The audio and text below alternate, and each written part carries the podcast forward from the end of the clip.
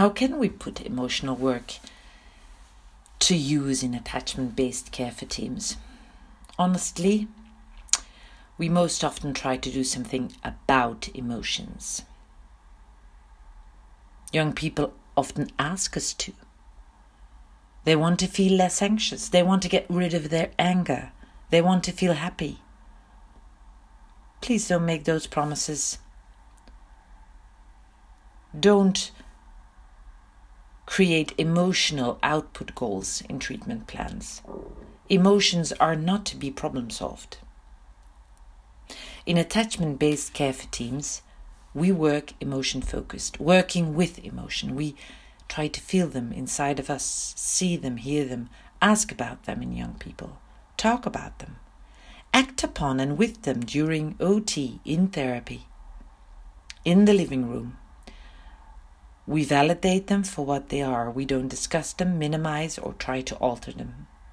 When a young person begins to cry in session, probably you've been thinking, oh shit, I made this child cry with all my questions and stuff. This has been a hard session. We invite you to hold in mind when a child, young person, starts crying in your session, you're only attending to what was already there tears of grief, anger, powerlessness, hopelessness. You are relating to what lives inside the young person.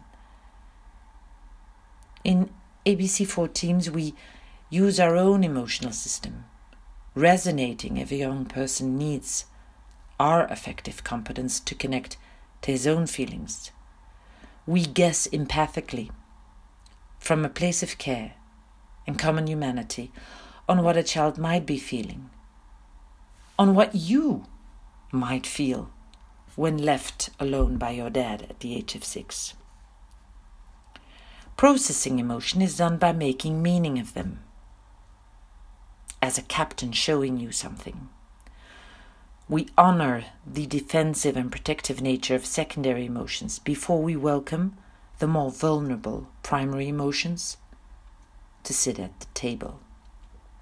We explain feelings can be mixed, that feelings come in layers, that part of a young person can feel this and another part can feel that.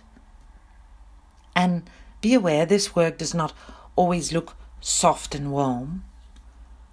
When a young person panics after months of admission with hard work on her mental health issues and family struggles, yelling she wants to die, no one is there for her, no one understands her, and she doesn't seem to hear anything you say, doesn't even seem to see you anymore. Working with emotion at that point can be firmly interrupting her train of talk, saying stop, standing firm. I'm not going to leave you alone with this.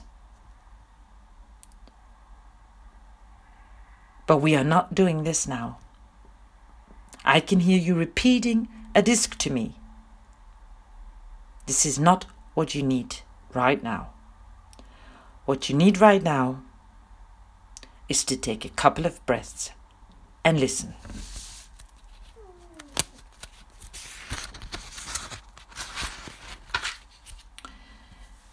ABC for teams is therefore not just about words or insight.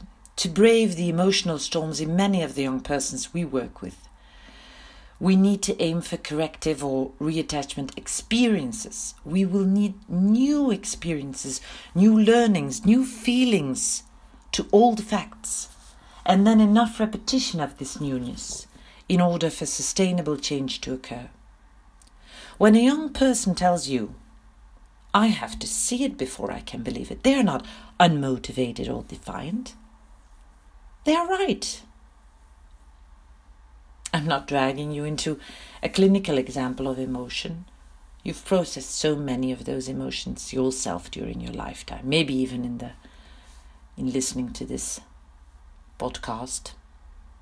I will invite you though to take a moment now. And let me talk while you close your eyes. I will be closing mine too. You're not obligated to close your eyes, only if it feels okay to do so. If you choose not to close your eyes, please focus on one point on the floor so your brain has space.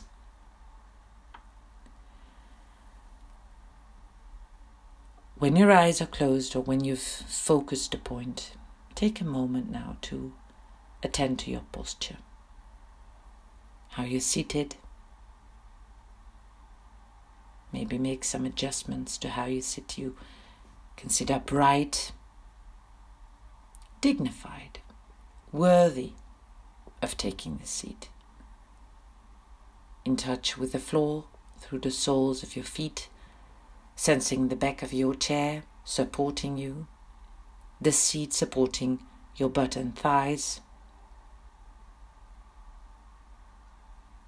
Then let me ask you to bring to life a recent event mm-hmm. where you were in a trouble of some kind, small or big trouble, and you turned to someone for support. And this person you turned to was really there for you, in whatever way. Give your mind the space to bring this really back to life in your mind. Maybe you can see the space you were in,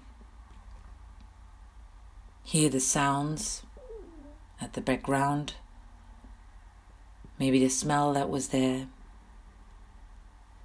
Maybe you notice what the other person is wearing, what day we were, what weather it was outside. Now focus on what makes you sense that this person's intention is to be there for you in whatever way, listening, to support, to help, or comfort you. Zoom into what makes contact with the intention to help you. Maybe it is in his facial expression. Maybe you can sense it through his tone of voice, body posture, words or moves. Now focus on how this feels inside this sense that the other wants to be there for you, sees you, hears you, takes you seriously. Notice where you feel that in your body. Maybe notice the reaction in your facial expression right now. Maybe in this instance, you feel like smiling a little smile. Take a moment to let this linger on for a bit inside of you.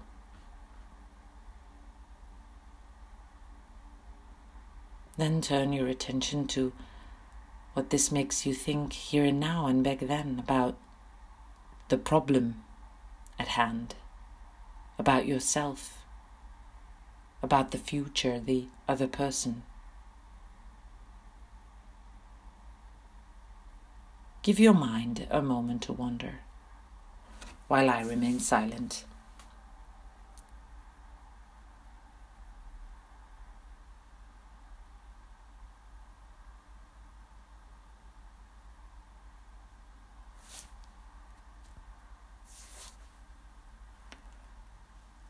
Let's close off and opening our eyes. Maybe you want to bring some movement to your body in returning to the here and now.